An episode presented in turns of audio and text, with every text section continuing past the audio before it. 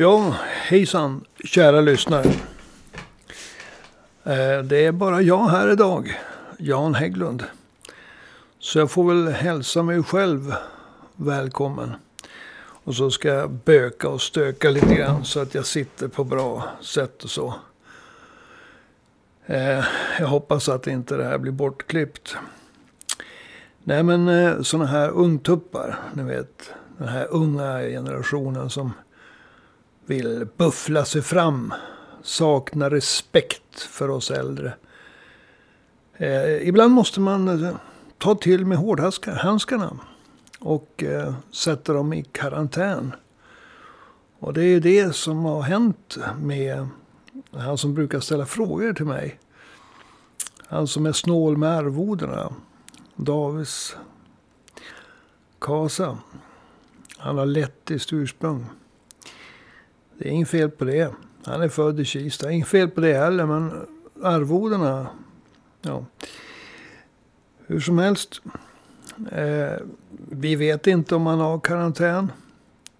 Nej, vi vet att han, har, att han sitter i karantän. Va? För vi har placerat honom där. Vi vet ju inte om han har coronasmittan.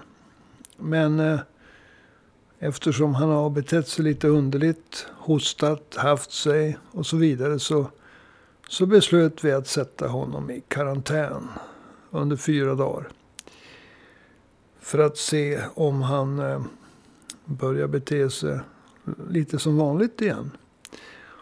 Och det är därför alltså som jag är här. Ensam. Och eh, vi får se om han lägger på något, eh, något, något intro och något outro. Ehm, det vet jag inte i talande stund. Men eh, ni, ska vara, ni ska vara välkomna. Eh, I alla fall. Det kan jag säga själv. Och eh, vad jag tänker prata om idag. Eh, jag har döpt det till Kompromissa inte med folkhälsan. Och det är ju naturligtvis, det syftar på coronaviruset och den pandemi som har skapats på grund av detta. Och varför säger jag att vi inte ska kompromissa med det? Jo, den svenska historien präglas av kompromisser. Farliga kompromisser. Man kan säga att de har satt sin prägel på många myndigheter och politiska beslutsfattare. Och det är det jag ska prata om. Men eh, först ska jag ta mig en klunk vatten här. Så att min röst inte blir så skrovlig. Vem vet? Man kan ju vara smittad av en vanlig vinterförkylning. Men jag kör igång. Och ni som sagt välkomna. Jag flyttar på mikrofonen här. Nu hörs jag bättre. Många av bristerna i den nu pågående coronakrisen. Som eh, brister i förberedelserna, senfärdighet när det gäller beslutsfattandet, vinglandet när det gäller strategin, känns igen i många avseenden från tidigare krislägen. Och jag syftar då på Estonia-katastrofen 94. När det var mycket hit och dit, både med att sända helikoptrar och hur man skulle behandla gravplatsen. Jag tänker på tsunamin. Julen, nyåret 2004-2005. Då det var en eh, Lottie. Jag tror, det var, hon jobbade på, jag tror på fritidsresor. Som själv skickade flygplan och hämtade hem de överlevande svenskarna. Därför man fick inte tag på utrikesministern Laila Freivalds. Och inte heller på statsministern Göran Persson. Utan en hög tjänsteman på fritidsresor hämtade hem svenskarna. Och det är ju inte riktigt så det är tänkt att fungera. Skogsbränderna 2008. hade vi inga krokar under eh, våra väldigt dyra stridshelikoptrar. Så vi kunde inte bomba skogsbränderna med vatten. Precis som ett par år tidigare. Så Italien fick flyga upp och hjälpa till. Jag tror Polen också var inblandad. Eller då våldsbejakande extremistiska islamister återvände efter att ha varit med och stött Daesh, Islamiska staten. Så hade Sverige ingen fungerande lagstiftning. Till skillnad från i stort sett alla andra länder i EU. Och så man kan ställa sig frågan, och vi ska ställa oss frågan. Varför upprätt, rep, upprepas detta eh, halvdana, halvhjärtade, fega uppträdande gång på gång? För i krislägen har Sveriges ledande politiker och myndigheter gång på gång visat sig sakna förmågan att snabbt fatta beslut som visserligen påverkar folks vardag och som därför riskerar att göra beslutsfattarna impopulära. Men som är nödvändiga. Varför är det så? Ja, naturligtvis till en viss del beror det på vilken person som exempelvis är statsminister eller statsepidemiolog. Men vanligtvis så är personlighetens roll underordnad. Det överväldigande skälet till den alltför ofta uppvisade bristen på handlingskraft hos ledningen för Sverige beror på den kultur eller mentalitet som råder inom de organisationer som ska fatta besluten. Och det handlar både om riksdagspartier och myndigheter.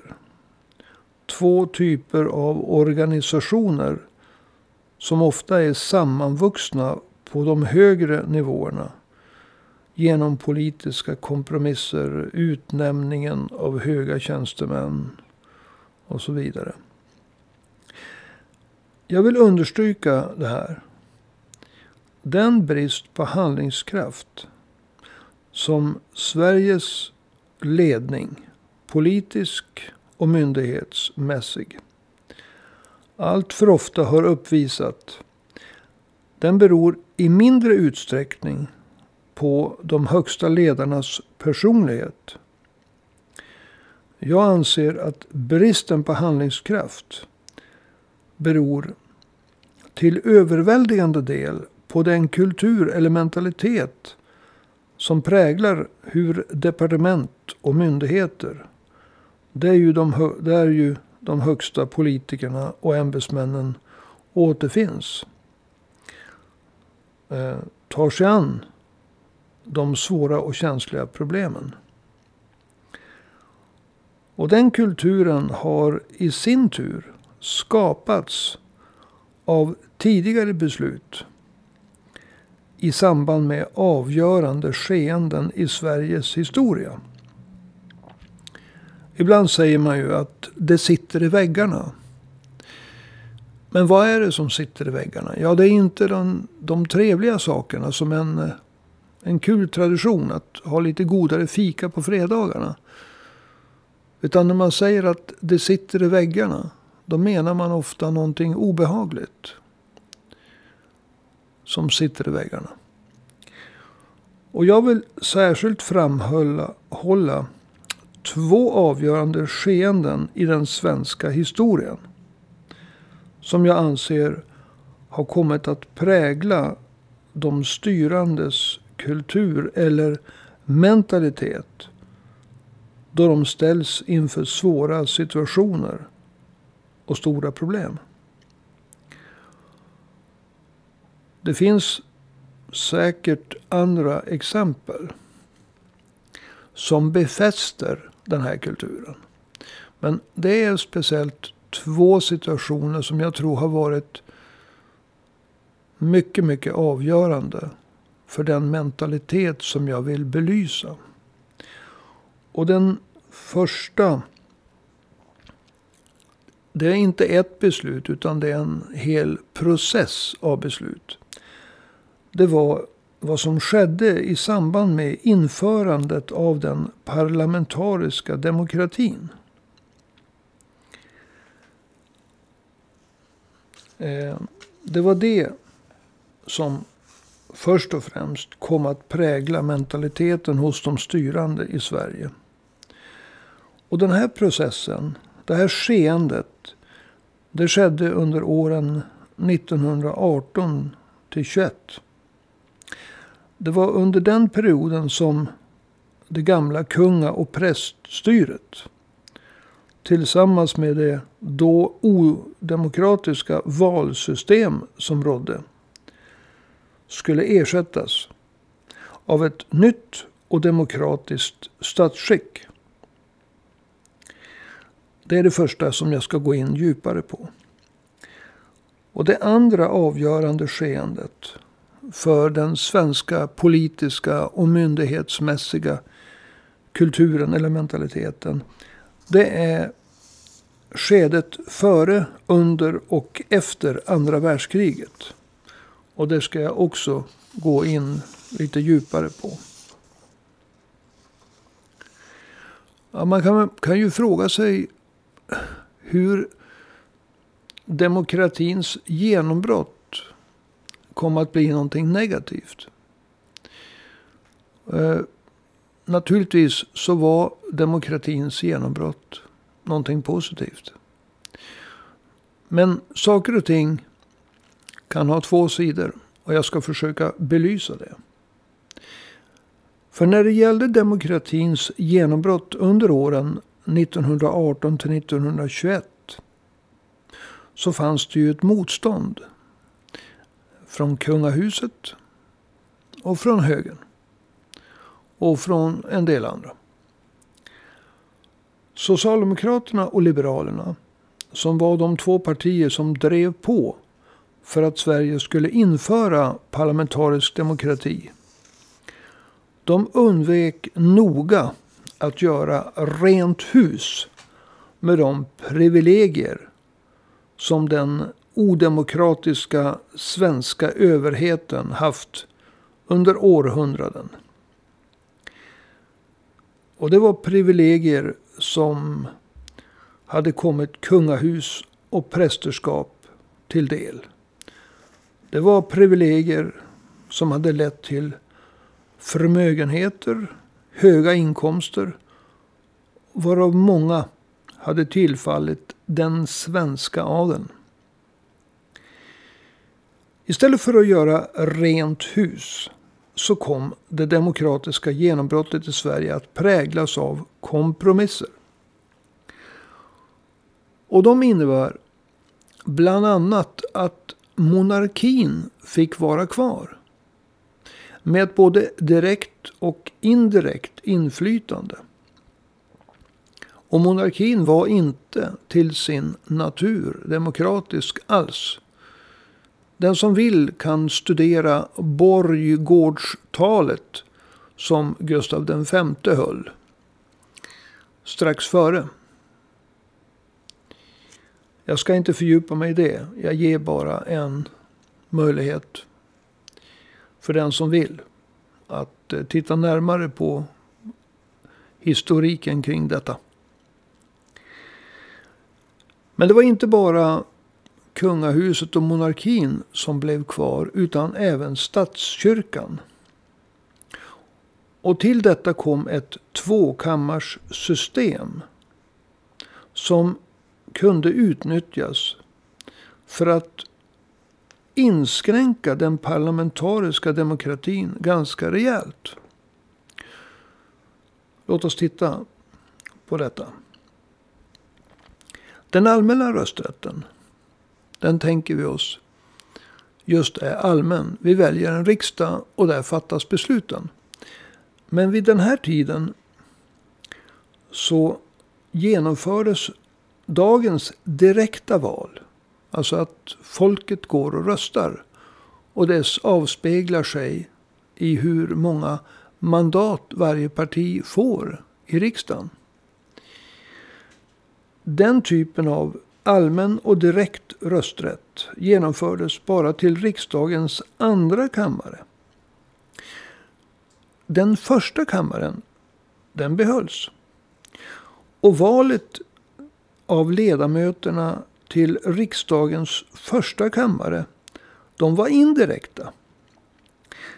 Det var bara 1310 så kallade valmän som hade rätt att rösta till riksdagens första kammare. Och de här 1310 valmännen, de var inte ens utsedda av befolkningen.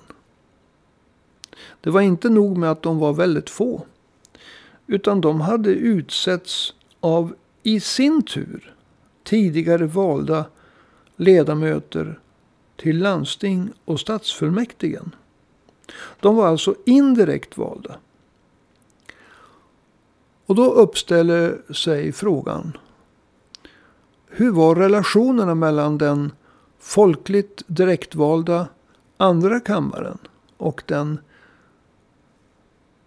inte alls folkligt och inte direktvalda första kammaren? Ja, första kammaren som då valdes av bara 1310 valmän. Som i sin tur utsågs av sina partikamrater. Kunde blockera alla beslut tagna av den direktvalda andra kammaren. Med undantag för budgeten. Och så var alltså läget 1921.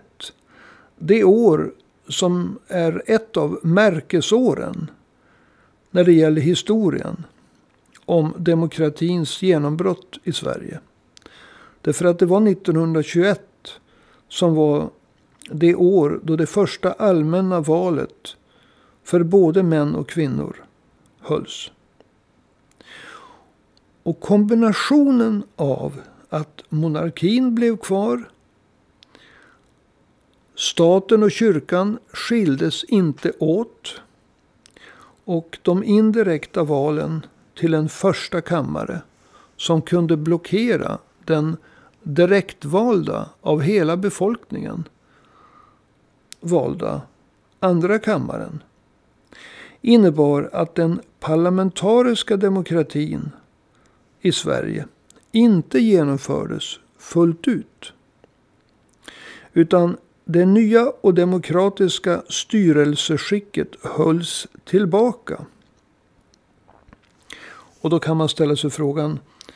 Innebär det jag nu sitter och säger att eh, Sverige inte utvecklades i demokratisk riktning under de här tre åren, 1918 till 1921. Sverige tog eh, ett väldigt stort kvalitativt steg framåt mot demokratin under de här åren. Det vill jag absolut inte ifrågasätta. Men det skedde inte fullt ut. Kompromissandet fick två negativa effekter. Jag säger det igen. Sverige blev inte fullt ut ett sekulärt och demokratiskt samhälle under de här åren 1918 till 1921. Det byggdes in för stora buffertar i syfte att bromsa djupare sociala samhällsförändringar. Det var det första. Men det andra och för mitt tal, mitt prat till er idag. Eh, mer intressanta. Eh, den mer intressanta aspekten det var att på grund av det här kompromissandet så lades grunden till den politiska mentaliteten av ruttna kompromisser. Det är ett hårt ord, det är ett obehagligt ord, men det är ett sant ord. Kan man till och med kompromissa fram inskränkningar i det nya och demokratiska statsskicket, då kan man kompromissa med allt.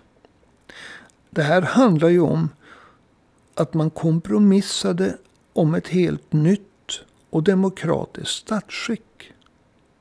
Det är inte vilka kompromisser som helst. Det är inte att man tar lite pengar från den ena budgetposten och lägger på den andra budgetposten. Det är inte att man höjer eller sänker skatten med en femöring.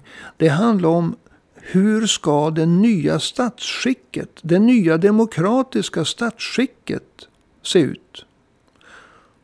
Kan man kompromissa med det, då kan man kompromissa med allt. Och det är det jag menar. Även om demokratin tog ett jättekliv framåt, så tog också eh, uppfattningen att man kan kompromissa med allt jättekliv framåt. Och satte sig i väggarna. Än idag är monarkin kvar. Och än idag är kyrkan sammanvuxen med monarkin. Och därmed indirekt med staten. Och detta trots att det har gått hundra år sedan den parlamentariska demokratin infördes. Och exakt 20 år sedan staten och kyrkan skildes åt. Formellt sett. Men som jag sa. Kyrkan är inte skild från monarkin.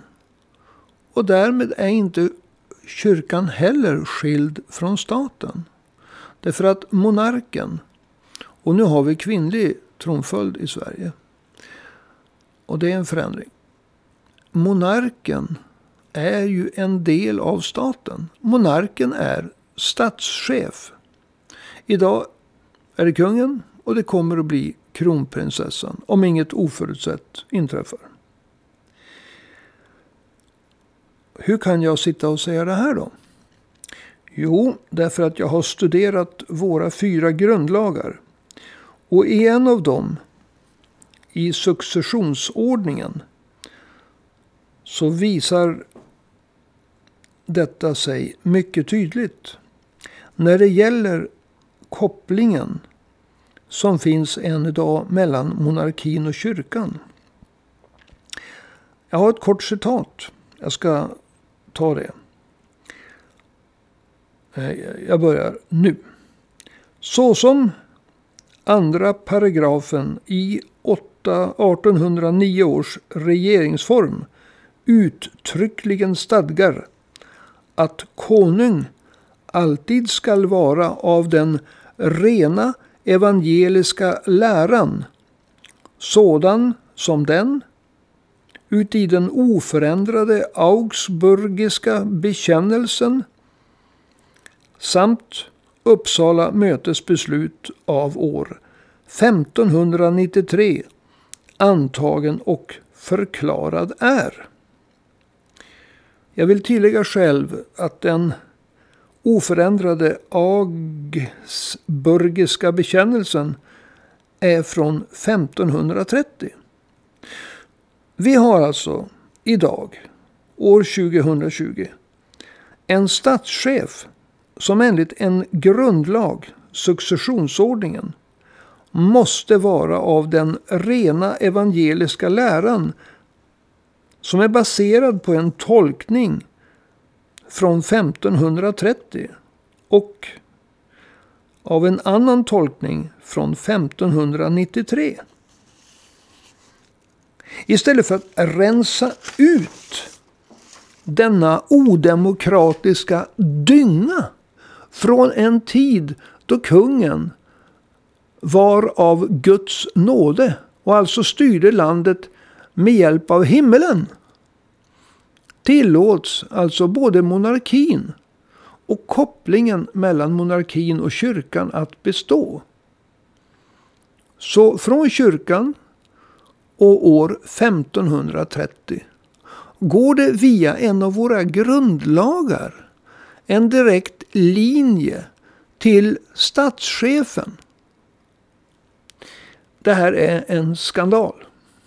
Det är upprörande. Och det är därför jag säger att så länge inte monarkin och kopplingen mellan denna och Svenska kyrkan avskaffas är Sverige inget sekulärt land. Och därmed inte heller demokratiskt fullt ut.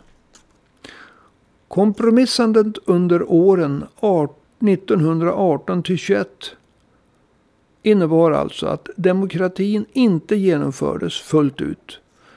Den tog en enormt steg framåt, ja. Men det mest skadliga var alltså det arv som detta kompromissande med demokratin efterlämnade i form av en politisk mentalitet eller kultur. Feghet, inskränkthet. Ja, ni förstår. Så där har vi. Den andra för mig avgörande processen när det gäller att forma den politiska och myndighetsmässiga mentaliteten. Det var perioden före, under och efter andra världskriget. Ni känner alla igenom eh, begreppet eftergiftspolitik. Det är en debatterad och känd sak som ägde rum. Men till alltså en eftergiftspolitik i förhållande till Nazityskland. Men det som behöver belysas mer. Det är den svenska politiska systemets underlåtenhet att göra upp med hemmanazisterna efter krigsslutet. Vad skapade andra världskriget för erfarenheter i olika länder? Ja, om vi tittar på våra nordiska grannländer. Danmark, Norge och Finland. Så skapades det helt andra erfarenheter i dessa tre länder än i Sverige. Danmark och Norge de blev ockuperade av Nazityskland. I Danmark och Norge så fanns det människor som samarbetade väldigt nära med de nazityska ockupanterna och tjänade pengar på det. Men i Danmark och Norge fanns det också de som deltog i uppbygget av motståndsrörelser mot nazisterna. Som genomförde sabotage och eh, hjälpte till att besegra den tyska krigsmaskinen. Och efter slutet på andra världskriget så var ju det hela i en situation då man måste åtminstone till viss del göra upp. Det gick inte att eh, kompromissa med personer som Quisling. Som eh, formellt styrde Norge som en ståthållare åt eh, Hitler. Eller Terboven som han hette. Eh, om jag minns rätt. Som var den som egentligen styrde. Han hade hårdare nypor än Quisling. Utan Norge var tvungen att göra upp med dem. Och de sköts. För sitt landsförräderi och sitt samarbete med Nazityskland. Och det försvann folk. Även i Danmark. Huruvida det skedde på det ena eller andra sättet vet jag inte. Men det var man var tvungen att till en viss mån göra upp med förrädarna. de som hade sprungit nazisternas ärenden i allt för hög grad. Man hade alltså en motståndsrörelse. Man hade offrat livet i kampen mot de nazityska ockupanterna. Och det skapade en attityd av att vissa saker kan man inte kompromissa med. Tittar vi på Finland så hade de också helt andra erfarenheter av andra världskriget än Sverige. Finland deltog ju i andra världskriget i två omgångar. Den första omgången så försvarade man sig mot Stalin-Sovjets försök till ockupation. Och den andra omgången så hakade man på den tyska offensiven mot samma Sovjet 1941. Vilket du kanske sett med facit i hand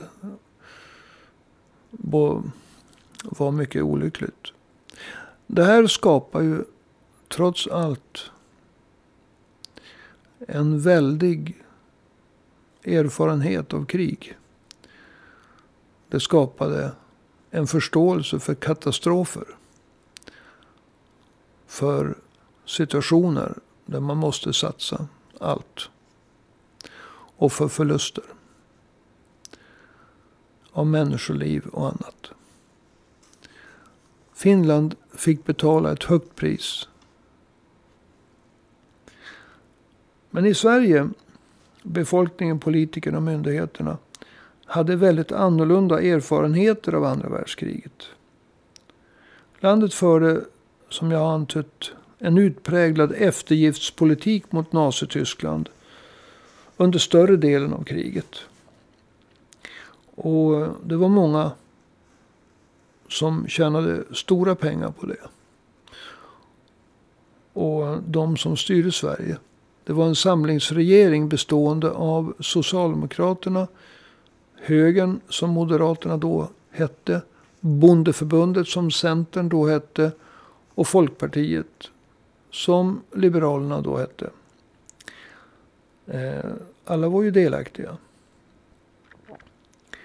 Och det här har jag som jag tidigare sagt både debatterats, debatterats och belysts mycket. Men till det ska läggas något som var nästan lika illa. Det officiella Sverige gjorde inte upp med alla hemmanazister. Inte ens efter andra världskrigets slut gjorde man upp med hemmanazisterna. Nazityskland besegrades ju i andra världskriget. Och den nazistiska ideologin borde, åtminstone för Sveriges del, har gått under i Berlins ruiner tillsammans med Hitler. Men de bruna överlevde i Sverige. Författaren Bosse Schön, som har skrivit flera böcker om svenskarna som stred för Hitler, har avslöjat att vissa av de här hemmanazisterna till och med blev riksdagsledamöter och hör och häpna, ministrar. Jag ska återkomma till dem med namns nämnande.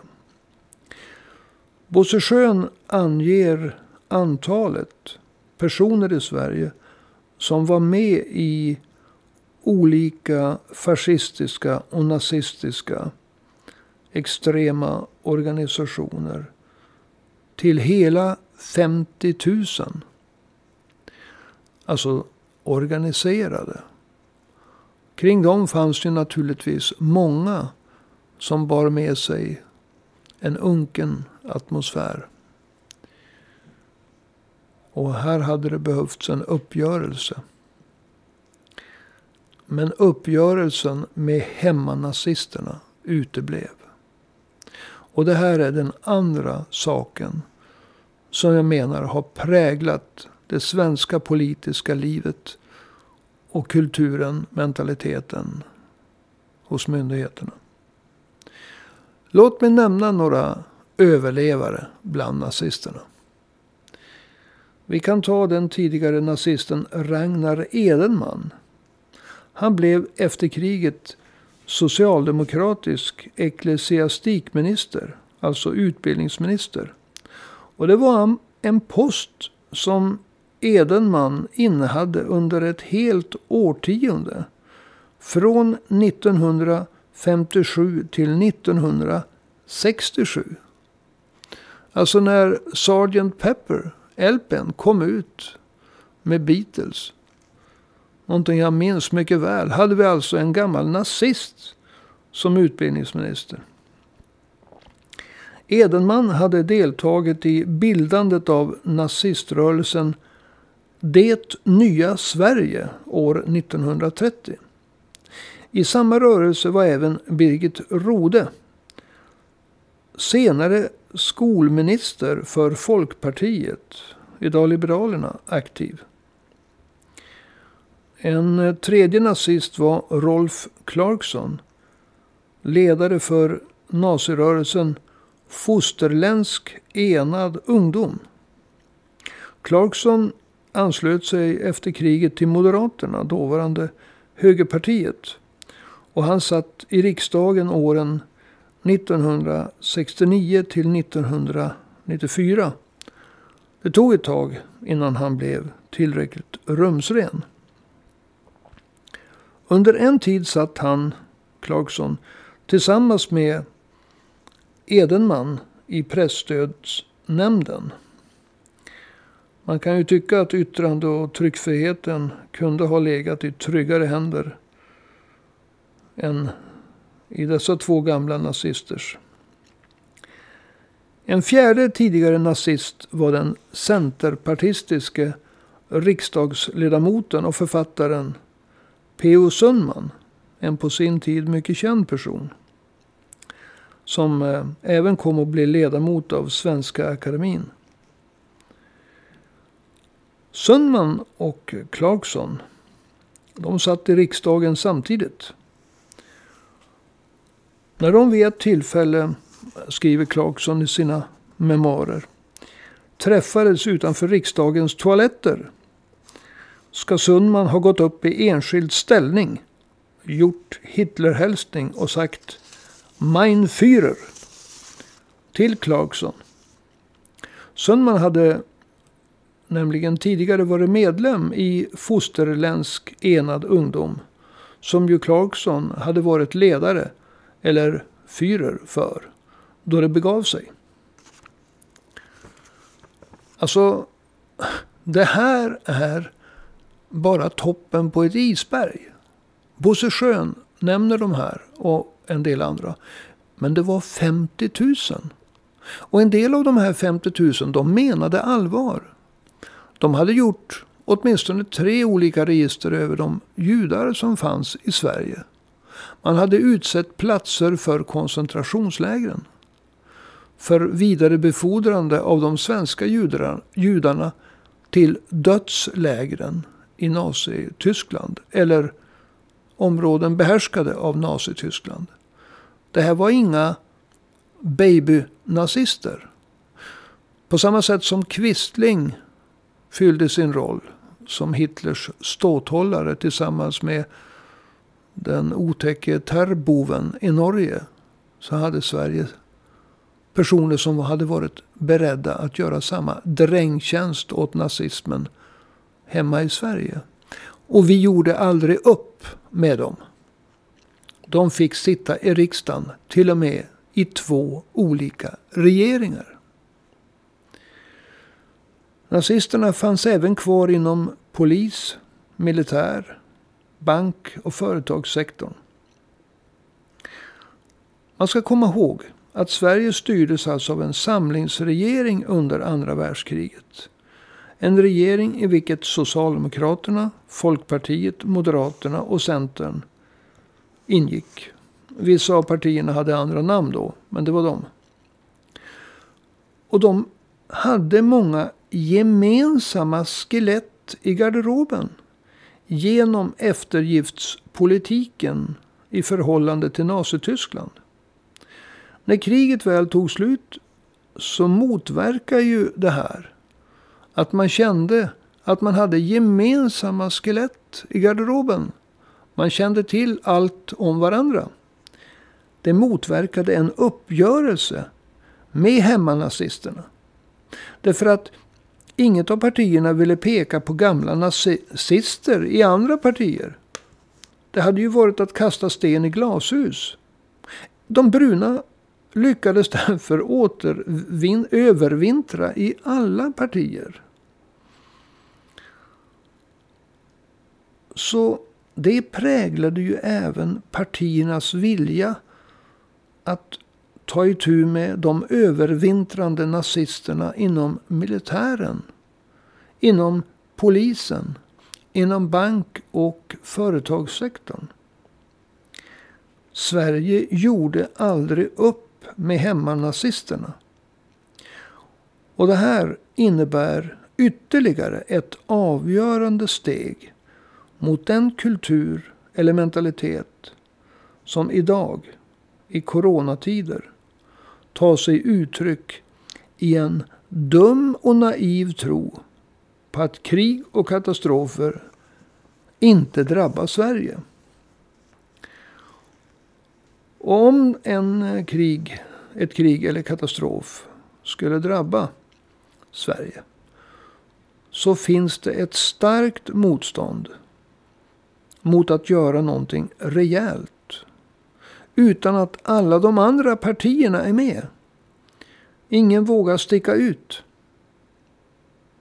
Och det innebär diskussioner och nya kompromisser. Och saker drar ut på tiden. Men det blir även en sorts informell vetorätt för olika partier. För om något parti säger nej, det går vi absolut inte med på. Så då blir andra partier oroliga. Hur kommer det här att slå mot oss i valet? Jag tänker på Miljöpartiets roll när det gäller asylpolitiken. De har ett mycket begränsat antal väljare. Ändå har de spelat en väldig roll. De andra partierna, tycker man, skulle ha kunnat köra över Miljöpartiet. Och här kommer vetorätten fram. Reinfeldt och alliansen använde sig av Miljöpartiet. Och Miljöpartiet spelade ut det kortet att de var tungan på vågen.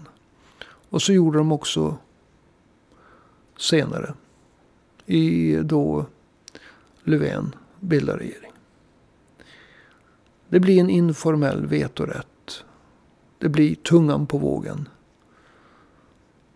Tveksamhet och så vidare. Så det är mot den här bakgrunden har det varit enklare att skapa en sorts tro.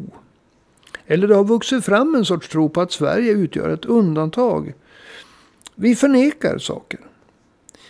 Eh, katastrofer. Politiker exempelvis i Storbritannien de har till och med talat om den svenska exceptionalismen. Alltså att det i Sverige finns en anda av att det drabbar andra men det drabbar inte oss. En sorts undantagsideologi i det här landet. Undantagsideologi med kompromisser i alla frågor. Även demokratins, demo, det, det, även när det gäller det demokratiska styrelseskicket och att det fanns 50 000 nazister på hemmaplan att göra upp med. Som istället i vissa fall fick sitta både i riksdag och regering. Det är klart att det här sätter sina märken, mina vänner. Märken i väggarna som påverkar mentaliteten, kulturen hos partier och myndigheter. Ta Sverige och Frankrike. Här har vi de två motpolerna. För Sverige skiljer sig extra mycket från Frankrike, eller tvärtom. Frankrike, ja där gjorde man ju rent hus med monarkin och adeln i samband med franska revolutionen. Och demokratins genombrott. Frankrike kom även att präglas av Pariskommunens demokratiska ideal senare i den franska historien. Och sekularismen har blivit någonting av en fransk överideologi. En mycket starkare sekularism rent institutionellt. Även om det är fler troende i Frankrike. Så är man stolt över sin sekulära ideologi. Och då menar jag att man får tro eller vara ateist. Och man kan vara kristen, jude eller muslim. Så länge man accepterar att andra får ha sin tro. Oavsett om det är en religiös tro eller en tro på ateismen. Det är vad det innebär att vara sekulär. Och det är någonting som fransmännen är stolta över. I Sverige är det få som ens kan ordet. Frankrike deltog i de båda världskrigen. Frankrike genomlevde fyra år av brutal nazistisk ockupation. Men Frankrike lyckades trots det bygga upp en mycket stark motståndsrörelse i kamp mot de nazistiska ockupanterna. Så tittar vi på den franska historien. Franska revolutionen, Pariskommunen och hur man gjorde rent hus med den gamla överheten. Så förstår man att i Frankrike utkämpas väldigt ofta striderna till dess att det går att utskilja en segrare och en förlorare. Det är inte alls lika ofta som det blir ruttna kompromisser som måste begravas i tystnad. Som är tvehågsenheten i Sverige då demokratin genomfördes. Eller alla kompromisser, alla skelett i garderoben i samband med den uteblivna uppgörelsen med nazisterna. Det är inte så att jag sitter här och förespråkar giljotinen. Inte alls. Men jag försöker däremot förklara den så ofta manifesterade bristen på handlingskraft i Sverige. Och jag menar att den har djupa historiska rötter inom det politiska systemet och inom myndigheten, myndighetskulturen. Där partier och myndigheter ständigt söker skydd hos varandra i ett fegt och tidsödande kompromissande. Som ofta innebär sena och halvhjärtade beslut. Det är få offentliga personer och institutioner som vågar peka med hela handen. Med hårdhandskarna på. Då det behövs. Och det skapar problem. För varken fartygskatastrofer,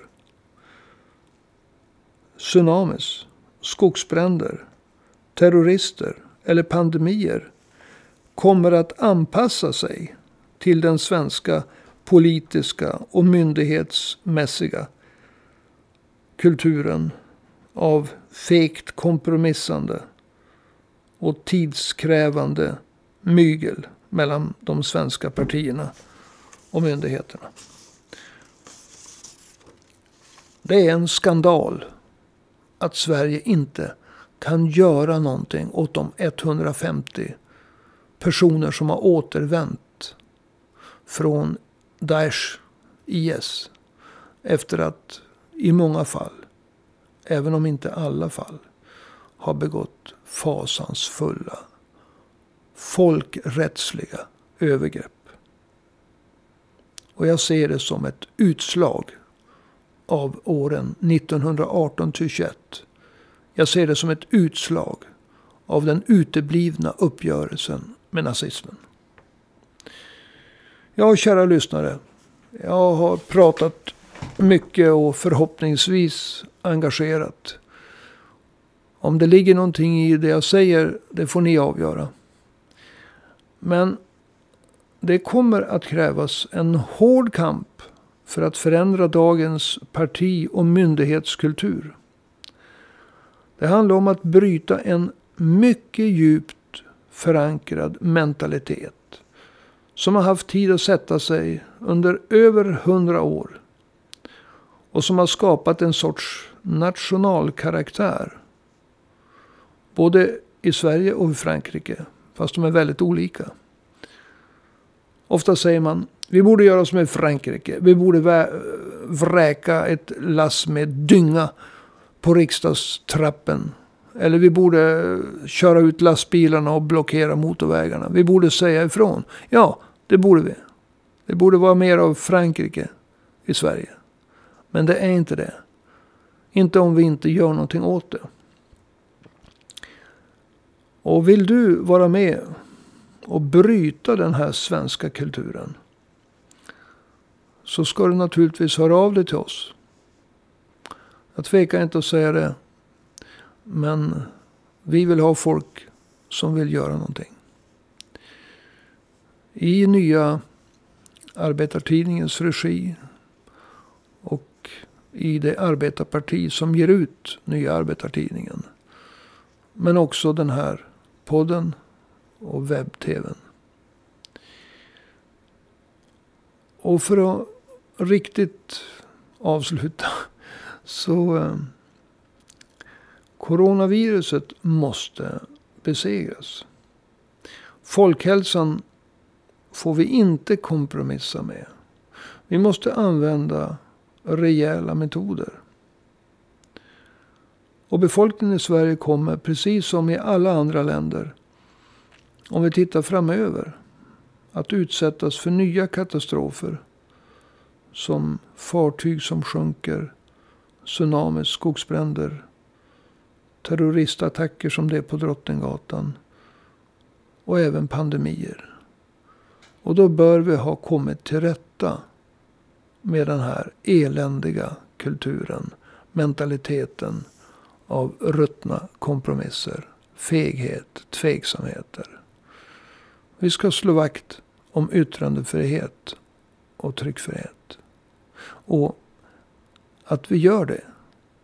Att vi har yttrandefrihet och tryckfrihet. Det är också det som vi kan använda för att belysa hur vi inte gick fullt ut till demokratin. Att vi inte gjorde upp med nazisterna efter kriget. Och att experterna idag när det gäller corona. De är oeniga. Det finns ett allt större antal forskare som vill veta på vad Folkhälsomyndigheten bygger sina beräkningar. Hur deras fakta ser ut. Hur deras modeller ser ut på vilka grunder deras beslut är fattade. Och de vägrar tala om det. Det är inte bra. Det är också ett utslag av den här myndighetskulturen. Så vi måste både kräva raka besked och slå vakt om yttrande och tryckfriheten. Ja, nu fanns inte Davis här. Han kunde inte göra tecken av olika karaktär för att jag skulle skynda på, bromsa in, korta mig. Utan det här har varit Janne Hägglund i full frihet. Nästa gång misstänker jag att jag kommer att få stramare tyglar. Men den här gången tog jag ut svängarna. Jag hoppas ni har haft även den gången, den här gången, någonting, ut någonting av det här. Eh, och jag ska säga det Davids brukar säga.